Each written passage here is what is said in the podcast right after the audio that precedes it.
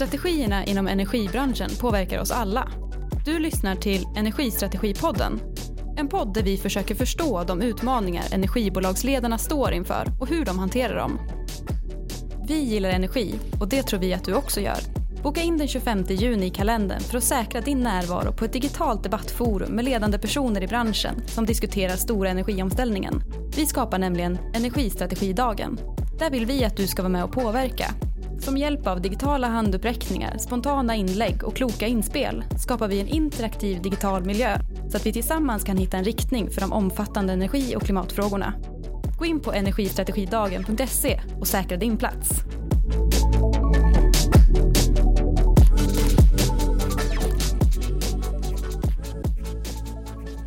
Så då, hej och välkomna tillbaka till Energistrategipodden och idag har jag eh, äran att ha Anders Egerud här som gäst. Välkommen hit. Tack så mycket. Och eh, eh, jag ser framför mig en intressant diskussion om strategierna för energibranschen. Jag vet att du har många åsikter, jag har hunnit läsa på lite på Twitter och andra ställen. Eh, men innan vi börjar där, eh, vem, vem är du och hur hamnade du i energibranschen? Ja, en lång resa, lite kort. Jag är uppvuxen i, Norrland, närmare Tärnaby nästan, fem mil från Tärnaby. Eh, som kommer från de, de breddgraderna och eh, har väl en bakgrund där jag som, som alla ungdomar inte visste riktigt vad jag skulle göra. Och jag tävlar en hel del i skidor och naturen var jag ute mycket i och vad jag skulle göra var lite oklart. Men eh, kom in på energibanan och eh, det som eh, gjorde det var också hade andra bekanta som jobbade i energibranschen. Tyckte också det var intressanta ämnen. Eh, och, och, tog en examen i, i, energi som energiingenjör faktiskt efter jag hade en ekonomexamen. Men, men liksom någonstans, hur, hur, kommer man in i energibranschen? Jag, många gånger är det ju första, första valet en slump. Man, man, läser till någonting, i varje fall i mitt fall. Jag hade inte en väldigt tydlig och utstakad karriär. Eh, men när jag väl har börjat jobba med energifrågorna Eh, och också kommer uppifrån det jag gör så, så jag tror jag att det starkaste anledningen till att, att jag är kvar i energibranschen det, det handlar om någonstans när jag, när jag vandrar där uppe i fjällvärlden som jag vuxit upp med med mina barn och så badade vi i en fjällbäck i september månad. Det gjorde jag inte när jag växte upp, det kan jag lova. Det, det var kallare. Eh, trädgränsen flyttar sig uppåt och, och det här är på något vis vi kan göra skillnad i energibranschen. Hela omställningen i energibranschen är nödvändig för att vi ska kunna ha ett hållbart klot och ett hållbart, hållbart liv. Så det är nog det som gör att jag fortsätter att jobba inom energibranschen. Hur, eh, hur kom eh, vandringen neråt eh, södra trakter att se ut då för dig? Som för så många andra. Man, man flyttar ofta att man har träffat någon och det var samma för mig. Jag hade nog blivit kvar uppe i Umeå där jag hade mitt första jobb på Vattenfall. Jag fick prova på mängder av olika bra saker för, för, min, för min yrkeskarriär. Men sen flyttade jag ner till eh, Örebro och började där på, på Gullspång Kraft. Det här är länge sedan. Men så såg min början ut att, att komma ner söderut. Och eh, när kom du in i Stockholmsregionen och hur? Ja, då är vi ju inne på en eh, liten, liten annan resa och den är ju att eh, Gullspång Kraft var ett eh, kraftbolag som fanns och var börsnoterat i Sverige, ett av de få. Jag tyckte det var jättespännande att börja där. Första dagen jag började då köptes det av finska IVO och finska IVO de hade också ett samarbete med Stockholm Energi på den tiden. Och de bildade bland annat Birka Service. Eh, och sen så lyckades man göra en affär där man bildade Birka Energi. Där Stockholm Energi och Gullspång Kraft slogs samman. När var det här ungefär? Det här var ungefär 1998. Eh, och efter det så har ju resan inom eh, Birka-koncernen fortsatt där Fortum då förvärvade resterande aktierna av eh, Stockholms stad då, och bildade Fortum, eller hade bildat Fortum och, och då gick den delen in i Fortum. Men där det som blev kvar egentligen med, med ägande från stan, det var ju Fortum Värme. Och där har jag blivit kvar rätt länge. Um, ja, det föregick egentligen en fråga som jag hade sen. Uh, så det var först då Stockholm Energi här i stan, som sen blev Birka, förstår jag rätt? Som sen blev då eh, Fortum och som nu är Stockholm Exegi. Ja, ska man göra det är precis så det är att eh, finska IVO, som då var motsvarigheten till Vattenfall, eh, köpte ju Gullspång och inledde samarbetena med Stockholm Energi. Och sen så bildade man samarbetet i Birka Energi, där, där då IVO ägde 50 procent. Och sedermera köpte resterande delar. Mm. Men staden behöll sitt ägande i värmebolaget Fortum Värme. Eh, och det har man behållit, fast vi har varit ett dotterbolag i Fortumkoncernen fram till 2016, då staden nyttjade sina optioner och kunde bli likvärdig 50% ägare. Eh, och sen var det ganska naturligt att vi fortsatte den resan och gör också ett namn och varumärkesbyte till, till Stockholm Exergi. Jag, jag har fått frågor om just det här Stockholm Exergi. Det är inte Stockholm Exergi eh, utan Stockholm Exergi just. Ja, vi har valt en betoning med, med hårt G och det är mer för att särskilja att det här är inte Stockholm Energi. Det här är ett det här är, är Stockholmarnas bolag, därför Stockholm. Det är fantastiskt att få ha det varumärket i, i sitt namn. Exergi, eller exergi som vi uttalar det då. Eh, därför att det är precis det vi håller på med. Vi tar tillvara på resurser i samhället som annars skulle gå till spill och vi gör högvärdig exergi i form av el och så nyttjar vi värmen också för att värma en stad. Och det är hela affärsidén så att eh, namnet Stockholm exergi det är egentligen ganska passande, eller mycket passande på den här verksamheten. Just det, jag tror ni fick många att, att googla upp eh, begreppet eh, exergi när ni eh, valde det namnet. Så det var nog många som lärde sig en hel del på det också, tänkas. Ja, vi kommer säkert in på det också senare idag, men att exegi är ju ett begrepp som vi borde prata mycket mer om. Vi borde inte prata så mycket om energi, eftersom man varken kan producera eller förbruka energi. Eh, men exegi är det vi använder och, och det begreppet behöver vi väl också förstå om vi ska få ett hållbart framtida energisystem i, i Sverige och Norden och i världen också. Ja, Okej, okay. men sett i den här historien, för den är ju ganska speciell för er. Ehm, det, det, är ju många bolag som har varit kommunala under lång tid eh, och det har inte varit så jättemånga försäljningar. Har det, hur har det präglat er? Finns det något man kan säga om, om det? Är, är det? är det en massa godbitar ni har tagit med er av olika organisationer över tid? Eller hur har, hur har den här historien format er, tycker du? Nej, men det är klart att vi har med oss flera olika arv. Dels är ju, var ju Stockholm Energi också en, en eh, flera delar. Man hade förvärvat några bolag i den här regionen.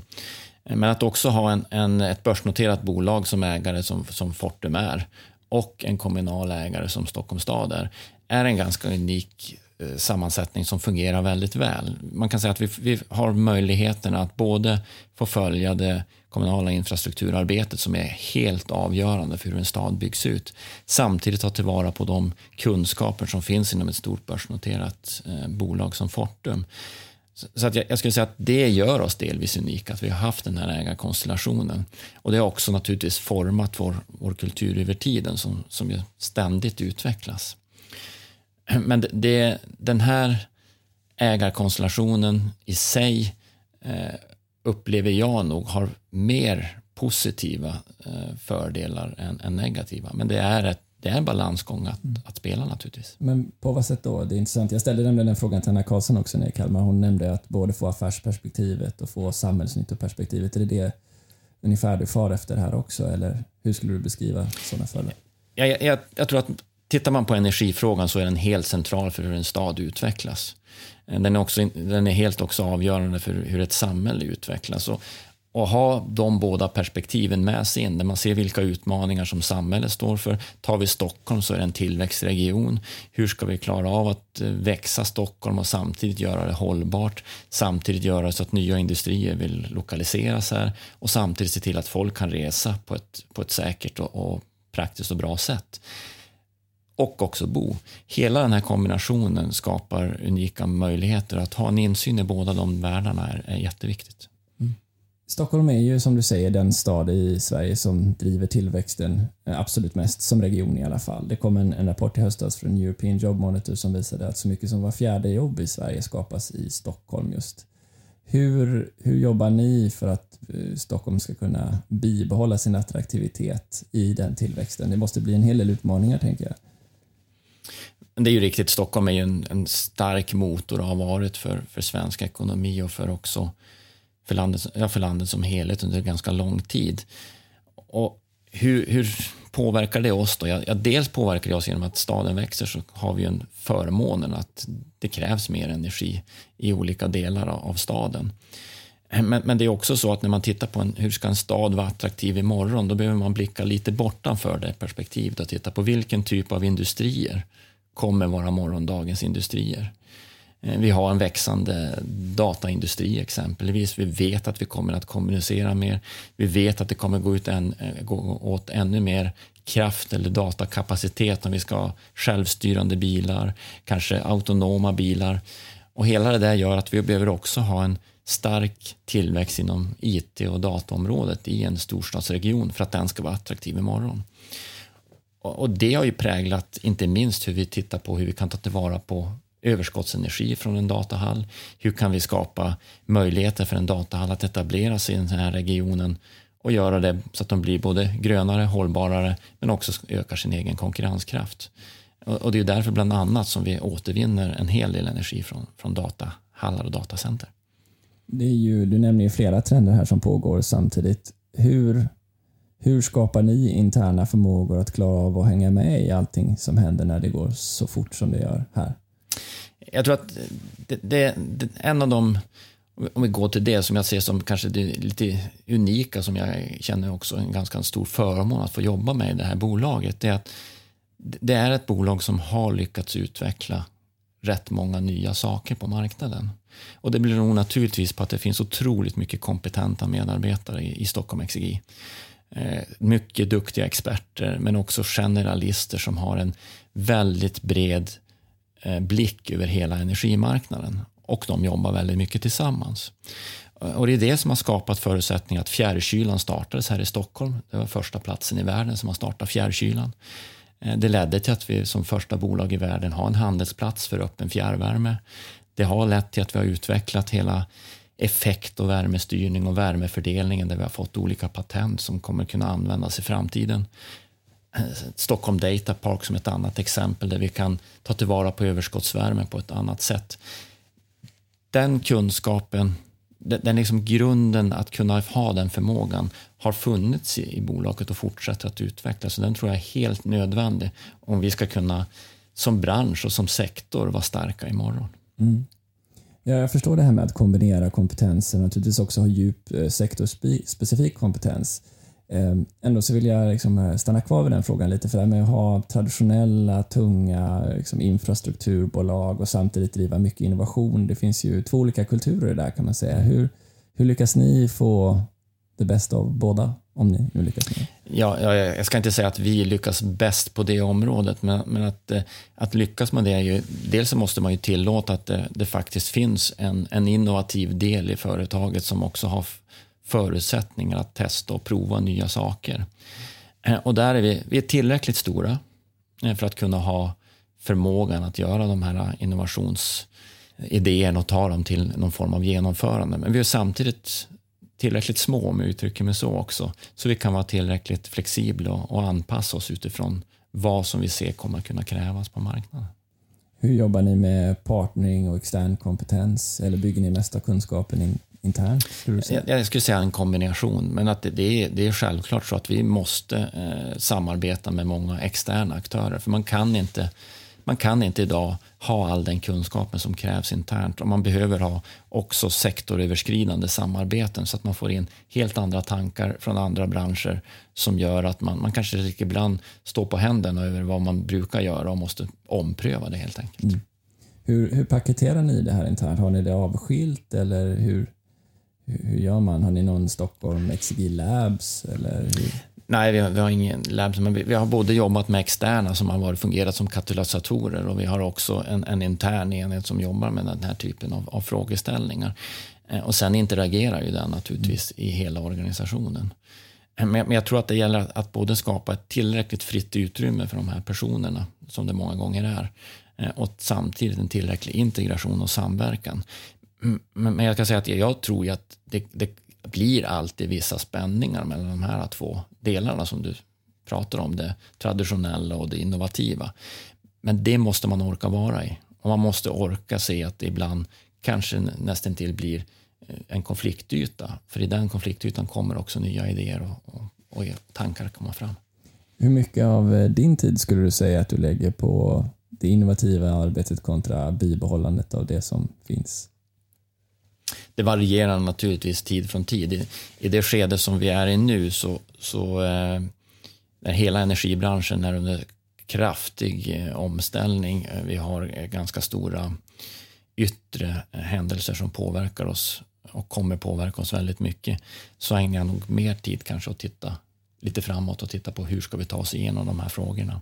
Medan det eh, under perioder naturligtvis är väldigt mycket av det, det traditionella. Vi behöver hela tiden jobba med så att säga, små förbättringar, ständiga förbättringar och glömmer vi den delen, ja då kommer inte det innovativa hjälpa oss överhuvudtaget.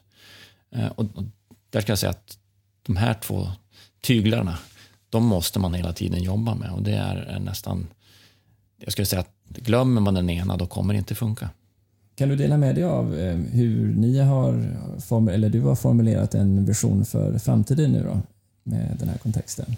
Men tittar man på bakgrunden att, att vi blev då Stockholm exegi som jag säger nu, så, så, är ju vårt uppdrag det är ju att göra Stockholm hållbart och attraktivt. Eh, och kan vi göra det själva? Nej, det kan vi naturligtvis inte göra. Vi måste samverka. Vi måste jobba med integration. Det är många aktörer runt omkring Stockholm, både inom vår sektor och bransch, men också i andra sektorer. Så därför blir det ganska naturligt för oss att när vi, när vi tittar på vad vår vision är, så är den ju att tillsammans med, med kunder och partners eh, skapa de mest hållbara energilösningarna för ett attraktivt Stockholm. Det är ju egentligen det som är vår kärna. Mm. Eh, och, och, det uppdraget är ju lite skillnad mot att säga att vi ska leverera energi till stockholmarna. Eh, vårt uppdrag är att bygga Stockholm riktigt, riktigt hållbart. Och, och det är ett uppdrag som ju då också kräver att vi förstår vad händer i vår omvärld? Hur ska vi möta klimatutmaningen? Hur ska vi ta oss an de utmaningar som vi ser när vi ska gå över till ett helt förnyelsebart och återvunnet energisystem? Då blir man ju nyfiken på att höra hur, du, hur ni svarar på de frågorna. Vad, vad, om man skulle titta på vilka, nu står CCS-tekniken ut som en, en viktig satsning från Stockholm Exergis sida. Finns det andra tydliga strategiska spår som ni följer som en konsekvens av den här visionen? Jag tror att det, det har funnits det under ganska lång tid. Eh, det är, det, det är många, många år sedan som vi satte upp ett, en, eh, ett klimatmål, att vi skulle vara klimat och resursneutrala 2030. Det håller vi just nu på att ompröva för att vi tror att det, det kommer vi klara. Eh, och 2030 är dessutom för sent. Så att den, den drivkraften och den kompassen har funnits under väldigt lång tid i verksamheten. Och det som jag kopplar tillbaka till det vi pratade inledningsvis om, det är också den, en av de starkare drivkrafterna jag själv har i, i att vara i den här branschen. Vi kan vara lösningen på att skapa ett hållbart energisystem som bidrar till att vi får ett hållbart samhälle så att säga, som klarar klimatutmaningen. Och, och tittar man då på fjärrvärmen i Sverige och, och, den skulle vi kunna prata om ganska länge här nu då, så, så kan man konstatera att den svarar för så stor nytta, inte minst ur ett elperspektiv i Sverige. Hur då? Jag, tar man all fjärrvärme som, som vi har i Sverige så vintertid så avlastar den el, elbehovet, eller eleffekten, med ungefär 10 gigawattimmar, eller 10 gigawatt förlåt, mm. i effekt. Och 10 gigawatt, ja, det är extremt mycket. Vi har effektbehov på el vintertid i Sverige på 26. Och tänker man då att fjärrvärmen skulle inte finnas i Sverige så skulle vi behöva ha 36 gigawatt eleffekt. Om vi ersatte alla fjärrvärmesystem med högeffektiva värmepumpar. Samtidigt ska vi ställa om industrin och då behöver vi elektrifiera industrin för att den ska bli mer hållbar och mindre fossilberoende. Samtidigt ska vi ställa om transportsektorn som också ska bli mer hållbar och då också behöver elektrifieras. Samtidigt så ska vi också eh, kanske ha mer kollektivtrafik. Vi kanske ska ha mer resande som är annorlunda hållbart också. Det gör att eleffektutmaningen och energiutmaningen är enorm. Och den här eh, kopplingen tar vi väl med oss in. Hur kan vi då säkra att den bas, den infrastruktur som finns i form av fjärrvärme, den kommer också vara en, en konkurrensfördel för inte bara Stockholm utan för Sverige och Norden imorgon. Och då kommer tankarna in på hur kan den verksamheten bidra till att också skapa ännu större klimatnytta än att bara skapa ett förnyelsebart energisystem. Och då kommer ju bio-CCS in som, som eh, vi pratar om, då, koldioxidavskiljning från kraftvärmeanläggningar som drivs av biobränsle. Då skapar vi en kolsänka och kan istället för att, så att säga, bara få ett nollutsläpp helt enkelt gå under noll och skapa rejäla sänkor, vilket vi tror är helt nödvändigt för att klara klimatutmaningen. Ja, men vi, jag gillar att hoppa lite i intervjun och nu tar du upp det här så vi kan stanna lite vid den då eftersom ni har varit en väldigt tydlig eh, säga, språkrör för den här tekniken och ni satsar också tidigt på den. Eh, jag såg att ni skrev att eh, en ambition med det här skulle kunna leda till eh, en, en, en, reducering av svenska utsläpp av koldioxid med så mycket som 1,5 procent. Eh, jag uppfattade det rätt va? Jag tror att den matematiken har du nog gjort korrekt, men vi pratar om att sätter vi koldioxidavskiljning på vår stora biokraftvärmeanläggning här i Värtan så kan vi skilja av ungefär 800 000 ton koldioxid. Eh, och lagrar man 800 000 kiloton biogen koldioxid, ja, så är det en kolsänka som motsvarar i princip 1,5 procent. Mm. Samtidigt så var jag på eh, en av alla konferenser då ni har haft representanter som har pratat om det här och förstått att kostnaderna förenade med den här tekniken är betydande. Kostnaden förenade med CCS det innebär ju att det måste finnas en ganska tydlig politik för det här också. Ehm, Ska, är, är det modigt av er eller har ni sett att det här redan är på gång? Eller hur, hur vågar man satsa på tekniker som ännu inte är ekonomiskt lönsamma från början men som har den här samhällsnyttan? Ja, men, återigen, jag skulle kunna, vi kunna backa tillbaka till eh, hur vågade Stockholm Energi en gång i tiden eh, utveckla fjärrkylan i Stockholm? Ja, det gjorde man ju naturligtvis för att man också hittade samverkan med stora aktörer i Stockholm, i det fallet stora kunder som såg att de behövde kyla. De ville inte använda kylmaskiner på taket. Eh, vi kunde använda frikyla från, från vattnet istället och skapa stora miljöfördelar och dessutom en bra ekonomi. Eh, tittar vi på eh, bio-CCS så kan vi säga att det är en, det är en fråga som är ännu större men som är helt nödvändig och som många av våra kunder förstår att vi måste gå vägen att också skapa kolsänkor. Eh, det säger alla i princip scenarier som, som FN har tagit fram, eller IPCC. Eh, det är nödvändigt för att nå 1,5-gradsmålet. Och ja, då finns ju inte alla svar.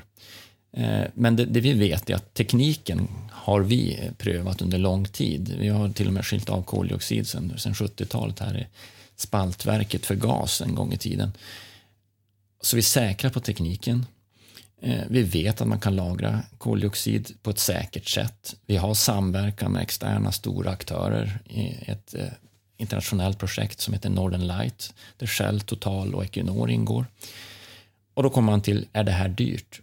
Ja, tusen kronor på tonnet är de, de så att säga, preliminära siffrorna som det pratas om. Men, det ska man ju då jämföra med vad är kostnaden i övrigt att ta bort koldioxid eller minska utsläppen globalt.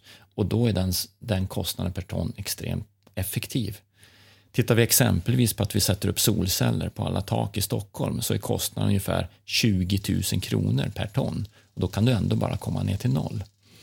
Så att tekniken är, skulle jag säga, dyr för att det blir så stora volymer koldioxid. Men vill vi göra skillnad, då krävs det den här tekniken. Det är ändå, nu ska jag inte säga att det är rätt och så, men det har förekommit en viss kritik från miljörörelsen om att satsa på tekniker som inte finns än. Att man borde satsa på reduktion istället, minska konsumtionen. Eh, vad, vad, säger ni när ni, när ni hör sånt? Att det... Men det, det, det rimmar ju också ganska rätt med att vi, vi kan ju inte själva sluta ha ambitionerna att bli baserade på så mycket förnyelsebara råvaror och insatsråvaror det går. Vi kan inte sluta ha ambitionen att vi ska återvinna så mycket som det går. Och den resan måste ju varje företag och varje sektor i samhället fortsätta med. Men vi har gjort den, vi har gjort den resan. Vi fasade ut vår sista kolanläggning här nu under 2020. Vi har haft en resa där vi har reducerat koldioxidutsläppen i vår verksamhet med långt över 85-90 procent sen, sen eh, 2000. Och det måste ju fortsätta. Så det står ju inte i konflikt med att samtidigt börja skapa kolsänkor. Men det är få sektorer som kan skapa kolsänkor. Vi är en av de sektorerna. Och då eh, tycker jag att det är ett ansvar att också driva den teknologin och också driva den eh, Eh, utvecklingen av de affärsmodeller som kommer krävas. För andra sektorer i samhället kommer ha otroligt svårt att ställa om och bli helt baserade på förnybart. Så det kommer behövas kolsänkor även i ett längre perspektiv eh, bortom 2030, 2045 eh, för att kompensera för de insatser som kommer kanske fortsatt vara fossila. Då. Ehm, hur långt bortåt ligger den här tekniken innan den, tror du, innan den kan vara i, i, i full drift? Vi, eh, tekniskt så skulle vi kunna sätta igång och bygga den i princip idag. Men vi behöver ha utvecklat de finansieringsmodeller som krävs och affärsmodeller som krävs. Och där har ju den klimatpolitiska vägvalsutredningen nu kommit med ett förslag om omvänd aktion. Just det. Kan du förklara vad det är? Så man ja, I princip är det ju att vi får ju då, eh, man går ut och frågar på hur mycket kolsänkor, hur stora kolsänkor kan man, kan man få köpa på marknaden och vi kan erbjuda vad, vad vill vi ha betalt för att skapa den kolsänkan. Och då skulle man kunna kvitta det då mot egna utsläpp då, eller? Ja, ja tanken är ju att det ska så att säga, finansiera eh, både drift och eh, investering i en anläggning. Mm.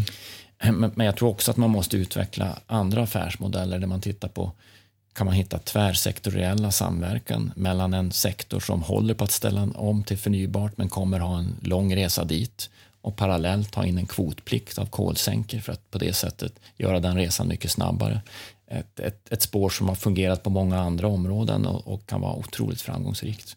Och det här håller vi på att titta på men tekniskt så är det fullt möjligt för oss att ha en anläggning uppe inom ett par år.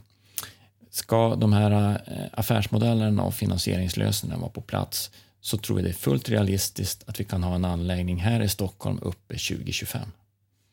Ja, det är inte så långt bort i, i, i, ur vår branschperspektiv.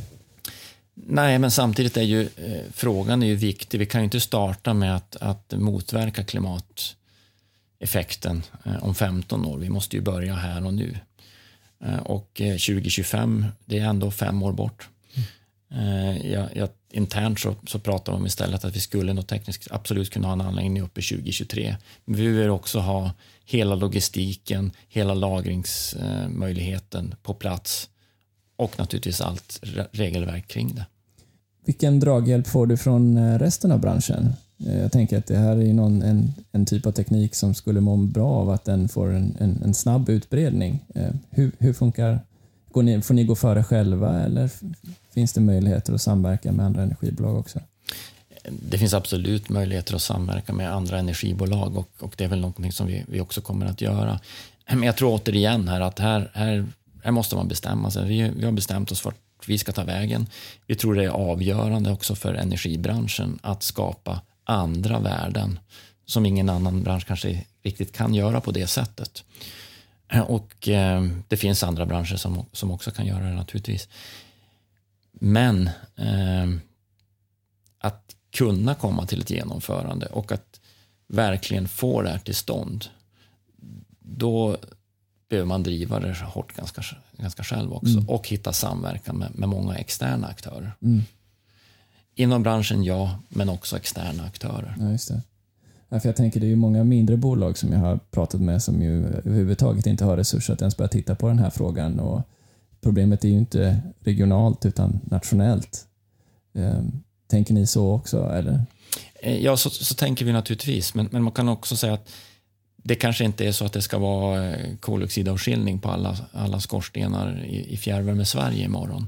Utan man, kan, man behöver nog titta på där också. Var finns de bra möjligheterna till det? Och var kan man göra så att säga, störst skillnad på det området. Eh, vi, vi är placerade på sånt sätt att vi, vi har lite unika möjligheter här i Värtan. Vi har ett av Europas, världens största biokraftvärmeverk. Det ligger vid en hamn. Eh, det är väl förberett för att kunna eh, användas för koldioxidavskiljning. Vi kan tekniken, har jobbat med den sedan väldigt länge. Och det gör ju att då kan man ju också vända på det och säga att det finns väl ett ansvar att gå först också och att driva på utvecklingen. Och en utveckling som jag tror andra i branschen sen kan följa med i takt med att vi lär oss mer och mer och också kan både skala upp och ner teknologin. Har ni mött mycket intresse då från kollegor runt om i branschen? Både inom branschen, absolut, eh, men också från många andra håll i, samhället. Eh, och det är, eh, det är absolut så att det här är en fråga som, som är väldigt högt upp på agendan. Och nu, nu sitter vi i väldigt speciella tider när du och jag träffas. Eh, men vad som händer efter post-corona tror jag inte att klimatfrågan kommer få mindre dignitet eh, den kommer att vara viktig väldigt fort igen eftersom den skapar problem eh, som, som kan också relateras till, an, till andra så att säga, katastrofer i världen som också skördar människoliv. Det kommer kanske en, jag vet inte om det här är en okunnig fråga, men att det just är bio, ehm, den här typen av teknik, ehm, skulle inte den vara applicerbar även på energiåtervinning och andra bränslen? Den, den skulle lämpa sig väldigt väl också på, på avfallsbaserade bränslen. Och då kommer vi in på en, på en annan eh, fråga som du frågar om de strategiska valen eftersom vi, vi tittar på att hela energisystemet ska vara baserat på förnybara återvunna bränslen. Eh, och vi ska dessutom skapa möjligheter att göra kolsänkor. Så har vi eh, de avfallsrelaterade bränslena där det idag är så att vi, även om vi tycker att vi har kommit långt, så att göra el och värme av avfall, det är ur tittar ur ett, ett större perspektiv globalt rätt unikt. Där har vi kommit extremt långt i Norden, vi har kommit långt i många europeiska länder också.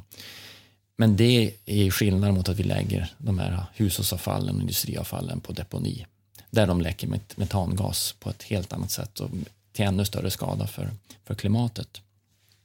Men tittar vi framåt så, så har vi plastfrågan och det är en mycket större fråga än för energibranschen plasten i samhället eh, behöver hanteras på något sätt. Samtidigt som jag tror att vi kan konstatera att under den period vi är i nu så skulle ingen vilja låta bli att använda plast i skyddsmaterial och i annat, eh, annat som, vi, som vi behöver för att kunna leva också på ett, på ett säkert och, och bra sätt. Men den frågan eh, kan man koppla till de här anläggningarna också. Hur ska vi hantera plasten imorgon? Hur ska vi hantera avfallsbränslen som inte eh, går att sortera ut, som inte går att materialåtervinna längre, men det fortfarande finns kvar energi. Den energin bör vi ju rimligen ta hand om och då är det bra att göra el och värme av det. Men det är ju ännu bättre om vi gör el och värme av det och också skiljer av koldioxiden. Då kommer vi skapa kolsänkor också av de återvunna bränslena och plasten som vi eh, skapar i samhället. Ja, det låter ju som en eh, som en, en, en väldigt viktig lösning. Ehm, du nämnde det tidigare i förhållande till 1,5 graders målet. Vad finns det för andra vägar att, att nå det om vi inte också hittar ett sätt att, att minska att eh, koldioxid, av, och, och lagra det? Det finns det. Det finns ju, det, det, det, ska inte jag säga att det är det enda sättet, det är en, det är en pusselbit. Mm. Ska jag säga. Det är klart att skogen är viktig att vi, vi värnar över hela eh, så att säga, det här klotet. Svenskt skogsbruk måste vara hållbart, det kan binda mycket koldioxid. Men vi vet att en växande skog binder mer koldioxid än en skog som har vuxit färdigt. Eh, vi tittar på vad är det ur skogen vi ska använda? Ja, vi ska använda grenar, toppar, sågspån, skogsrester som annars blir kvar i skogen och förmultnar ganska snabbt. På det sättet så gör vi el och värme av det istället. Alla de här hänger ju samman i ett komplext system. Kolsänkor på, på biogena bränslen är en del, på avfallsrelaterade bränslen en annan del. Man kan också göra biokol, Eh, till exempel, som vi också har gjort i en, en testanläggning. Det är ett jordförbättringsmedel. Men då binder man koldioxiden i, i kolet under väldigt lång tid. Och det skapar också en kolsänka. Och det har vi, har vi provat under ett par år. Så att, jag tror att man måste, man kan inte ta, det finns inte bara en nyckel, utan det är många pusselbitar som vi måste lägga ihop om vi ska kunna så att säga, skapa en, ett hållbart energisystem som också gör att vi, vi ställer om hela eh, så att säga, samhället på att vara helt hållbart. Det finns ju, om vi håller oss kvar lite på det här med teknikutvecklingen, så är det intressant att få höra din, eh, din trendspaning kring det här med vätgas också. Det jag vet att det funnits på tapeten hos flera energibolag att titta på kombinatproduktioner av när elpriset är lågt att kanske producera vätgas istället. Eh, och nu pågår en elektrifiering och en förändring av transporterna som du nämnde också i början. Har ni tittat även på sådana lösningar, hur ni ska vara en del, eller är det mer en elfråga som du ser det? Nej, men det, är, det är en jätteviktig fråga också för oss eh, och inte minst också att förstå hur kommer den att påverka oss imorgon. Vätgas är ju en, eh, om vi tittar på det stora projektet i Sverige som ju bygger på att man producerar vätgas med hjälp av el och sen använder det process, en process för att ersätta fossila bränslen i stålindustrin är ju jätteviktigt. Jag tror att vätgas kommer att ha en, en viktig roll i det framtida energisystemet. Eh, Kanske på sikt i form av att också skapa effekt när inte de förnybara energislagen levererar. Men också för att ställa om många andra sektorer där vätgas kan vara en energibärare som kan användas för stålindustrin och andra industrier. Och, och, och, den utvecklingen, hur snabbt kan den gå och varför skulle den accelerera ännu snabbare nu framåt? Ja, överskott på, på el från förnyelsebara eh, energislag kan ju vara en sån eh, katalysator för att få fart på vätgasutvecklingen. Definitivt. Hur skulle det fungera att, att kombinera med, med fjärrvärme och ett stort fjärrvärmesystem? Återigen, då behöver man se hela fjärrvärmesystemet som, som vi opererar som en del i det stora energisystemet och hur vi både kan konsumera el och hur vi också kan producera el och på det sättet skapa en snabbare övergång till ett hållbart energisystem. Okej, då kommer vi in mer på frågan om, du har gjort ett starkt case här eh, för eh, kraftvärmens roll och det ni kan göra för att bidra till ett mer cirkulärt och hållbart samhälle över tid. Eh, hur, då kommer vi till kunder och politiker Du kan få make a pick. Men, men vi ser ju trots allt ändå alltså att fastigheter introducerar alternativa uppvärmningsformer som är mer eldrivna på, på er marknad och på andra marknader ehm, vad är det som har missats då? Eh, eller om det inte kanske är någonting, vi bara, liksom, hur, hur kommer det sig när de här stora miljönyttorna finns och vi ändå ser att det är en intåg av ännu mer eluppvärmt på marknaden? Jag tror, jag tror igen att, att eh, dels så får vi som, som bransch bara acceptera att det finns en, en önskan att kunna ställa om. Det finns en trend att eh, kan jag bli självförsörjande på energi så, så ska jag bli det. Och det bästa jag kan göra för miljön är att sätta in en, en solcell eller en värmepump.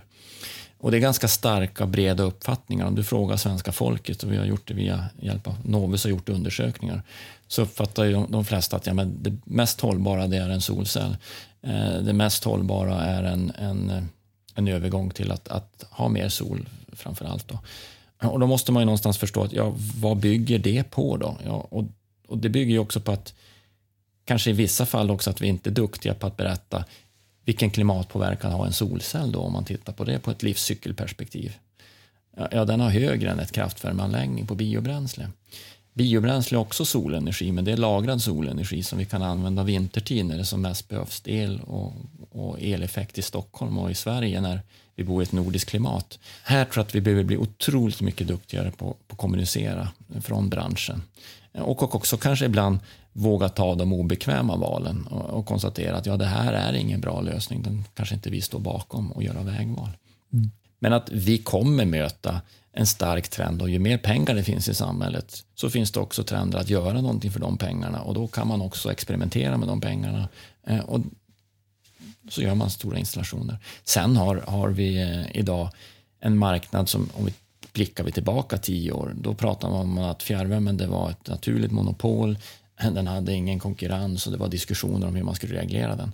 Jag tror idag när man tittar på värmemarknaden så konstaterar man att på värmemarknaden finns det ganska många uppvärmningsalternativ och ganska påtaglig konkurrens mellan fjärrvärme och andra uppvärmningsalternativ. Mm. Men det gynnar ju också en fortsatt utveckling mm. där fjärrvärme måste visa att den är mm. kanske både starkare och bättre, leveranssäkrare, skapar andra fördelar för kund. Men det krävs ett omfattande arbete.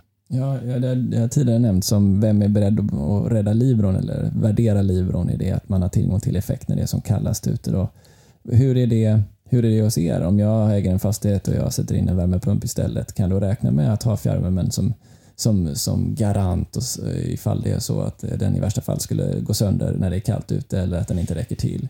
Få, få, är du min Libro då? Mm. Jag menar att, att, eh, dels så tror jag att tittar man på det här så har ju ah, många fjärrvärmebolag agerat väldigt olika i den här frågan. Och, och tittar man på hur vi har agerat så har vi väl också tittat på ett något annorlunda synsätt idag mot vad vi kanske hade igår. Men effektfrågan kommer att vara viktigare imorgon än vad det är idag. Redundans kommer vara viktigare imorgon än vad det är idag. Eh, leveranssäkerhet kommer vara viktigare imorgon än vad det är idag. Och tittar man då på det att, att eh, du som kund installerar en värmepump och behöver ha redundans av fjärrvärme. Ja, den försäkringen kan du i så fall komma kunna köpa imorgon också. Men du kommer ju att få betala för den naturligtvis. Eh, för det, annars skulle ju andra kunder så att säga subventionera din egna lösning. Och det är det här jag tror att branschen har varit ganska saktfärdig på. Och det har gjort att eh, first mover som har installerat i värmepumpar och andra har, har faktiskt fått både redundans, gratis effekt och nytta av fjärrvärme på ett sätt eh, som, som egentligen ingen business kan leverera. Eh, och den bilden tror jag kommer vara annorlunda imorgon och då tror jag att man kommer också se fjärrvärmens fördelar på ett annat sätt. Så här eh, sa eh, Johan Svenningsson i DI som eh, eh, häromdagen. Eh, subventioner till väderberoende och förnybar el i kombination med, leveranssäkerhet, eh, med att leveranssäkerhet inte eh, har ett värde slår ut befintliga kraftverk och leder till lokala och regionala kapacitetsbrister. Är det, är det en realitet redan idag, tycker du? Ja, i viss mån är det en realitet redan idag, men den kommer att förstärkas snabbt Eh, om eh, eh, den här utvecklingen som vi just nu är inne fortsätter under en längre tid. Det finns idag inget incitament att eh, köra, ska jag säga, ett, ett eh, kärnkraftverk på de priserna som råder på marknaden idag. Vi har en exceptionell varm vinter, eh, men kanske inte en som kommer, det kanske kommer finnas sådana vintrar framöver också. Tyvärr är det nog så. Det kommer att eh, vara en stor påfrestning på inte bara kärnkraft, det kommer vara på vind också. Eh, med de nivåer som vi har idag så är det inte egentligen några kraftslag som kan, kan gå runt på elsidan. Och det är klart att det kommer få påverkan. Men tittar vi sen vi införde omregleringen i Sverige, som jag kallar det, snarare än avreglering, när energi-only-marknaden bildades i Norden och vi har så att säga separerat produktion, distribution från varandra och elhandel, så kan man säga att den marknaden har inte lett till en enda effektinvestering. Den har lyckats att få fram väldigt mycket energi, men inte lösa effektfrågan. Och den kvarstår att lösa och där har, det är helt korrekt som, som eh, Johan säger att fortsätter det här så kommer mer effekt försvinna och då kommer problematiken en vacker dag att uppstå och den uppstår ibland redan lokalt. Och vi har haft en lång sån debatt här i Stockholm där vi, vi, vi såg att vi står inför en ganska riskfylld situation väldigt snart och det är nu om inte vi vidtar åtgärder som säkrar eleffekt vintertid i Stockholm. Ja, ni står ju inför en stor investering i Lövsta. Den har ju pågått under flera år. Eh, där ni eh, ska bygga nya anläggningar, rätt så stora också. Ehm, hur resonerar ni idag om ni ska ta risk på 40 år? Vad, vad, hur resonerar ni och vad behöver, vad behöver ni för att kunna fatta ett så långsiktigt beslut? Ja, men den här frågan är jätterelevant. Vi, vi ser att det behövs eleffekt i Stockholm vintertid. Vi ser att ett kraftvärmeanläggning i Lövsta skulle kunna bidra med den eleffekten på ett bra sätt. Helt nödvändigt sannolikt. Samtidigt ser vi inte att vi får betalt för den effekten. Eh, och då kommer vi ju inte kunna göra den investeringen i eleffekt. Så det är en öppen fråga hur vi ska hantera Lövsta vad det gäller eleffektfrågan. Eh, och, och det, det, kan ju leda till att nej, vi måste välja en annan lösning för den produktionsanläggningen som inte innebär att vi kan producera el också. Eh, så att det här är en fråga som, som vi måste följa nogsamt och vi kommer ju också naturligtvis vara aktiva och titta på hur ska och kommer och kan marknaden för el utvecklas. EU har ett uppdrag nu att titta över eh, så att säga, den, den marknad vi har. Kommer, eh, om du frågar mig, energi eh, oljemarknaden som vi har att klara de här utmaningarna som vi står inför nu framåt? Nej. Vi kommer att behöva komplettera den modellen med någon form av effektersättning för att säkra att vi alltid, året runt, har tillgång till, till eleffekt och, och energi vid rätt, vid, rätt vid rätt tillfälle. Kan du förklara för mig vad det skulle få för konsekvenser? Säg att ni då av olika anledningar hamnade i, en position där ni var tvungna att, att bygga hetvattenpannor istället för kraftvärme i Lövsta. Vad skulle konsekvenserna bli för Stockholm, som man förstår? Ja, du, du, kan ju vända på det, det kan ju bli ännu värre. Vi, vi, kanske, vi kanske bygger värmepumpar istället för, för eh, hetvattenpannor och bygger då stora värmepumpar som nyttjar spillvärme som, kunna, som kommer kunna ge väsentligt bättre eh, nytta än, än bergvärmepumpar. Ehm, då ökar vi ju eleffektbehovet inne i Stockholm, så förvärrar ju, förvärrar ju situationen snarare. Ehm, och det finns ju inte en ehm, så vänder man på det, har vi en skyldighet att, att titta på vad är bäst för vår affär eller har vi en skyldighet att titta på vad som är bäst för Stockholm? Ehm, och, och vänder man och vrider på den här frågan lite tag så, så inser man ju att här behöver ju eh, så att säga, politiken, myndigheterna och branschen sätta sig ner tillsammans och fundera på hur ska vi skapa förutsättningar för att ställa om hela det svenska energisystemet. Göra det på ett hållbart sätt, men också göra det så att vi bibehåller leveranssäkerhet, så vi bibehåller också så att säga, förmågan att ställa om industrin, förmågan att ställa om transportsektorn. Och då kommer man att behöva titta på de infrastrukturer vi har byggt upp hittills idag. Hur ska vi nyttja dem imorgon? Och, och i slutändan så handlar det om vilken nota vill kunden få? Eh, för jag, jag, tror inte en kund idag i Sverige som är elkund riktigt förstår vilka enorma kostnader det kommer vara för överföringskapaciteten om 15-20 år om vi bara trycker in förnyelsebara energislag utan att ha lokal redundans, utan att ha lokal effekt. Ja, okay, vi går, Eh, intressant. Vi går tillbaka till den, eh, den dialogen då som behövs mellan eh, energibolag och samhället och politiken. Vi har ju sett här den senaste tiden dels en introduktion av en avfallsbeskattning och också skatt på biooljor.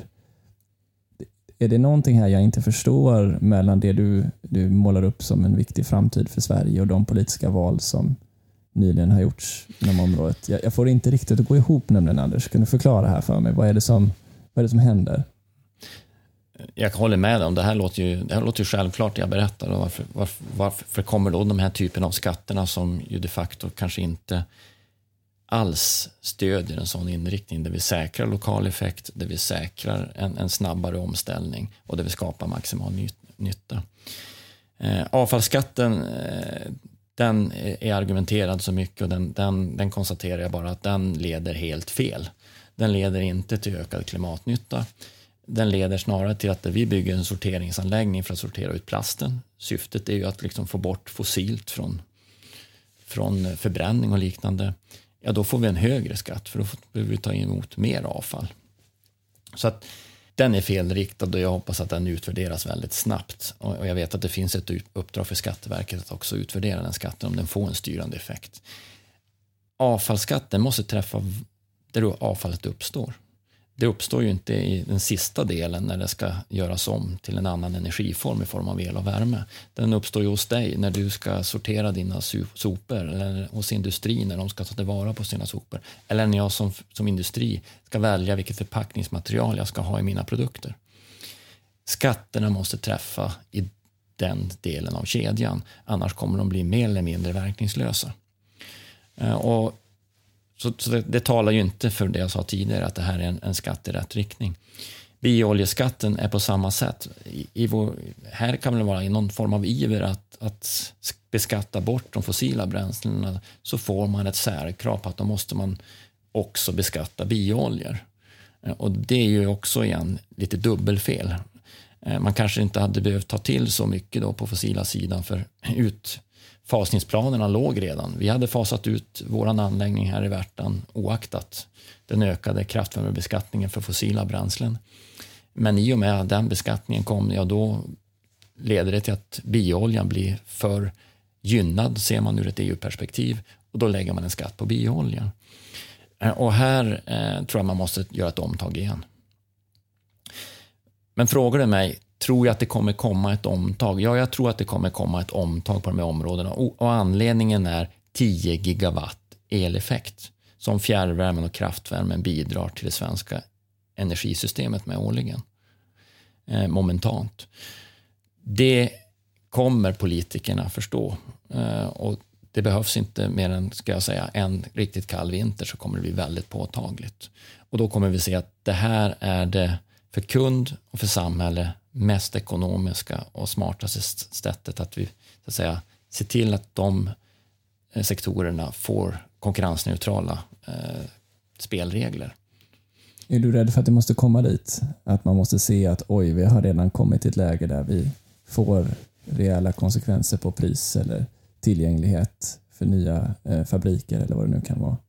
För att eh, liksom, poletten ska ramla ner om, om effekt kontra energifrågan jag, jag hoppas att jag har fel, att det kommer ändå. Eh, men risken finns att det kan vara... Vi, vi var i Stockholm i ett väldigt prekärt läge. Nu gör vi investeringar för att kunna behålla den eleffekt som vi har, har tillhandahållit i Stockholm under, under lång tid. Eh, men eh, andra orter i, i Sverige står inför samma situation. Och jag tror att vi, vi behöver ta i den frågan på allvar nu. Det här var ju väldigt intressant. Jag vill nästan inte gå vidare, men det ska jag göra ändå. Jag har ett manus trots allt. Ehm, du ehm, det här med eh, det finns ju en koppling mellan fjärrvärmen och fastighetsmarknaden som är intressant. Och jag, lyfter, väljer att lyfta den frågan med dig specifikt eftersom Stockholm också är unikt eh, både till prissättning och också till byggande. Ehm, I, I värderingen av fastigheter så är det ju många som har Eh, sett en fördel i att kunna investera front i en investering, säg en alternativ uppvärmning för att på så sätt få ner driftnettot. Och driftnettot är någonting som sen fungerar som en, en viktig parameter när man värderar en fastighet kontra när fjärrvärmen eh, har ju haft en, liksom en motsatt roll, att kunna jämna ut betalningen över lång tid. Man står inte för investeringen men tar något högre energikostnad. Hur, hur hanterar man det när målen från en annan bransch går på konflikt med ens egen, så att säga, den, den, den att kunna få ner en, en, en, kostnad sen kontra att ha en, en jämn betalningsström över tid? För jag antar att det är någonting ni måste förhålla er till också. Ni samverkar ju på samma marknad trots allt. Det här är, en, det, det är så riktigt som du säger, att tittar vi på kommersiella fastigheter som framförallt det här gäller, så är ju fastighetsvärderingarna i Stockholm kanske i en liten särposition jämfört med många andra eh, platser runt om i Sverige. Eh, och det gör att exempelvis driftnettot blir väldigt viktigt.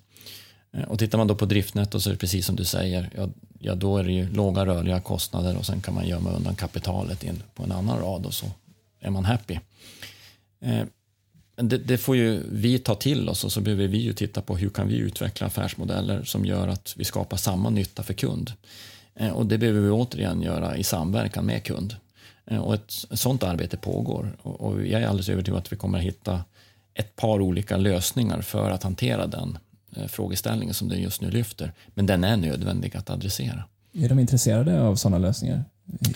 Det, det, det tror jag, men framförallt att våra kunder är ju, de, de tittar ju på ekonomi och de tittar på, eh, på miljö. Men jag skulle säga att ekonomin går fortsatt oftast före. Eh, och, och, det behöver vi bara förhålla oss till. Och, och, vi måste säkerställa att vi kan vara konkurrenskraftiga då.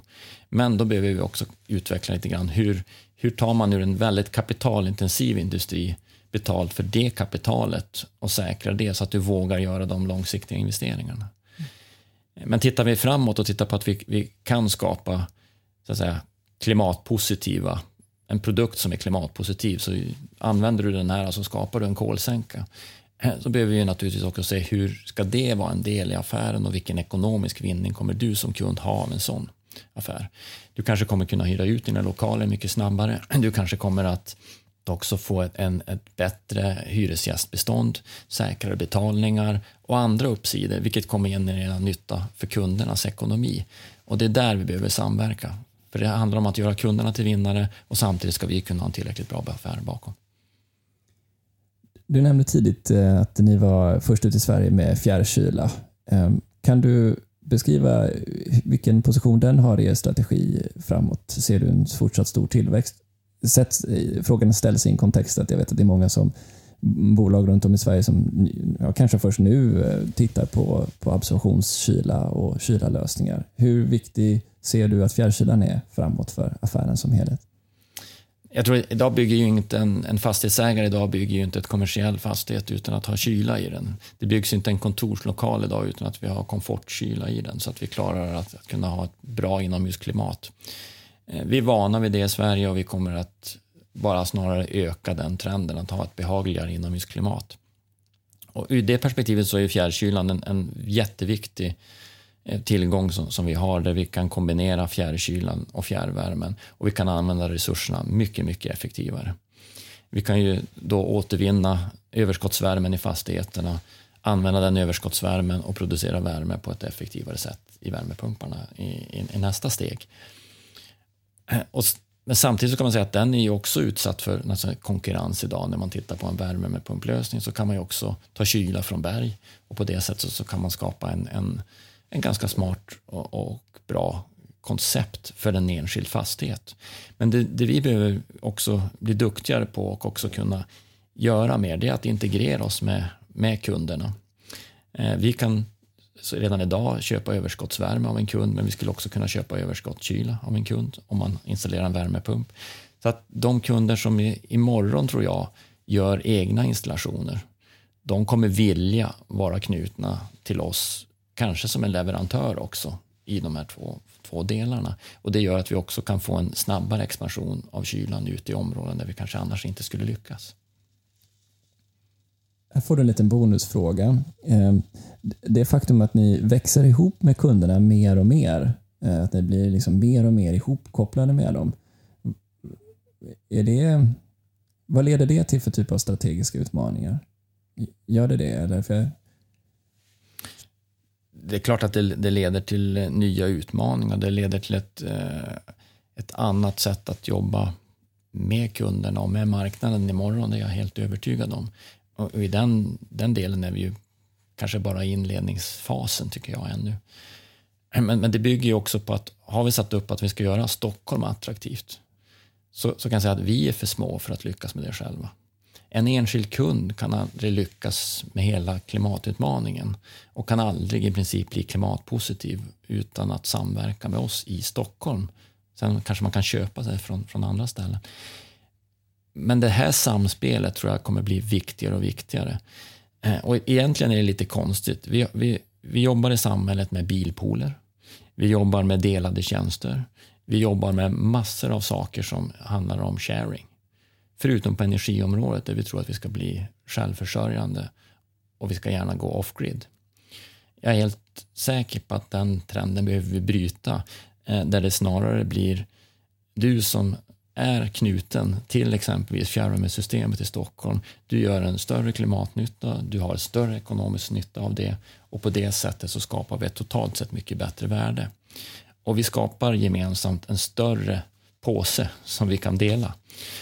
Ehm, det här är en, en utveckling som jag tror vi kanske kommer se mycket mer av i branschen, men vi är inte särskilt vana att jobba på det sättet. Vi har hållit på en timme. Tiden går fort. Ja. När man har roligt. Jag bara sprang förbi.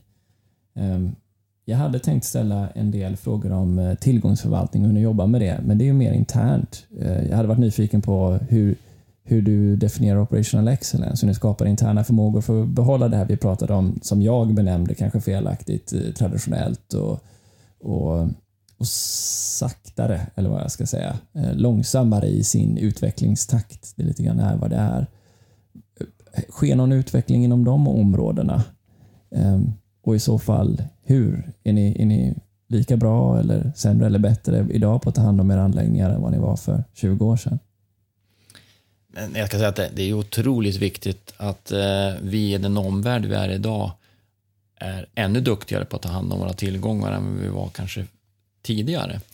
Eh, om vi har nu ett volatilt elpris som kanske sticker mellan eh, 50 kronor megawattimmen upp till 500 kronor megawattimmen inom loppet av sex timmar eh, så gäller det att vi kan köra våra turbiner när det är 500 kronor och använda våra värmepumpar när det är 50 kronor. Det ställer ännu större krav på att vår tillgångsmassa är eh, i ett skick av, av operational excellence. Och, och det är ett ständigt förbättringsarbete som vi måste jobba med där. Där vi också använder oss mycket mer av digital teknik, mycket mer automatisering, mycket mer av eh, smart styrning och integrera det här eh, på ett sätt som, som framgent kommer vara helt avgörande. Och Tittar vi på hela det systemet som vi har förmånen av att, att operera så eh, sitter ju kontrollrummet här i Värtan och idag planerar, och optimerar och styr inte bara Stockholm Exegis fjärrvärmesystem utan påverkar även Söder Energi, Norr Energi, Sollentuna, SFABs stora system och Järfällas system. Eftersom det, det krävs hela tiden att vi samverkar och kör billigaste produktionen för annars kommer fjärrvärmen inte vara konkurrenskraftig. Så eh, operational excellence tror jag kommer vara ännu viktigare imorgon än vad det kanske var i, i, i förrgår. Och, och, det kommer vara, vem som kommer avgöra det? Ja, det är väl våra kunder som i slutändan kommer säga vill de ha våra produkter och tjänster. Okej, vi eh, avslutar den här eh, diskussionen med att eh, titta lite framåt. Nu har du varit inne på det, men om jag ändå ställer frågan igen.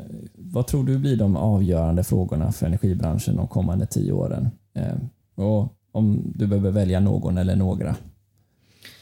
Jag tror vi har varit inne på den och det är klart att det är den här eh, den, den nödvändiga, viktiga omställningen att få in mer förnybar elproduktion eller el, el i form av vind framförallt i Norden som är det som kommer att komma mest.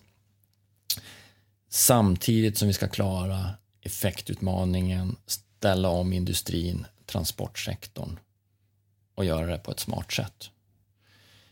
Eh, då tror jag personligen att det är ganska korkat att ställa om uppvärmningssektorn att bli elektrifierad. För då kommer utmaningen att ställa om industrin och transportsektorn bli gigantisk. Och utmaningen, den stora utmaningen för energibranschen, den ligger någonstans i det här. Hur både kan man adressera det här och hur kan politiken hitta en, en linje som gör att det här blir över tid förutsägbart och stabilt. Du Anders, eh, tack så mycket för att du var med i Energistrategipodden. Stort tack Niklas. Är du intresserad av extra material eller visualiseringar från intervjun så hittar du dem på sigholm.se academy. Har du vidare frågor eller funderingar kan du alltid höra av dig till oss på info.sigholm.se.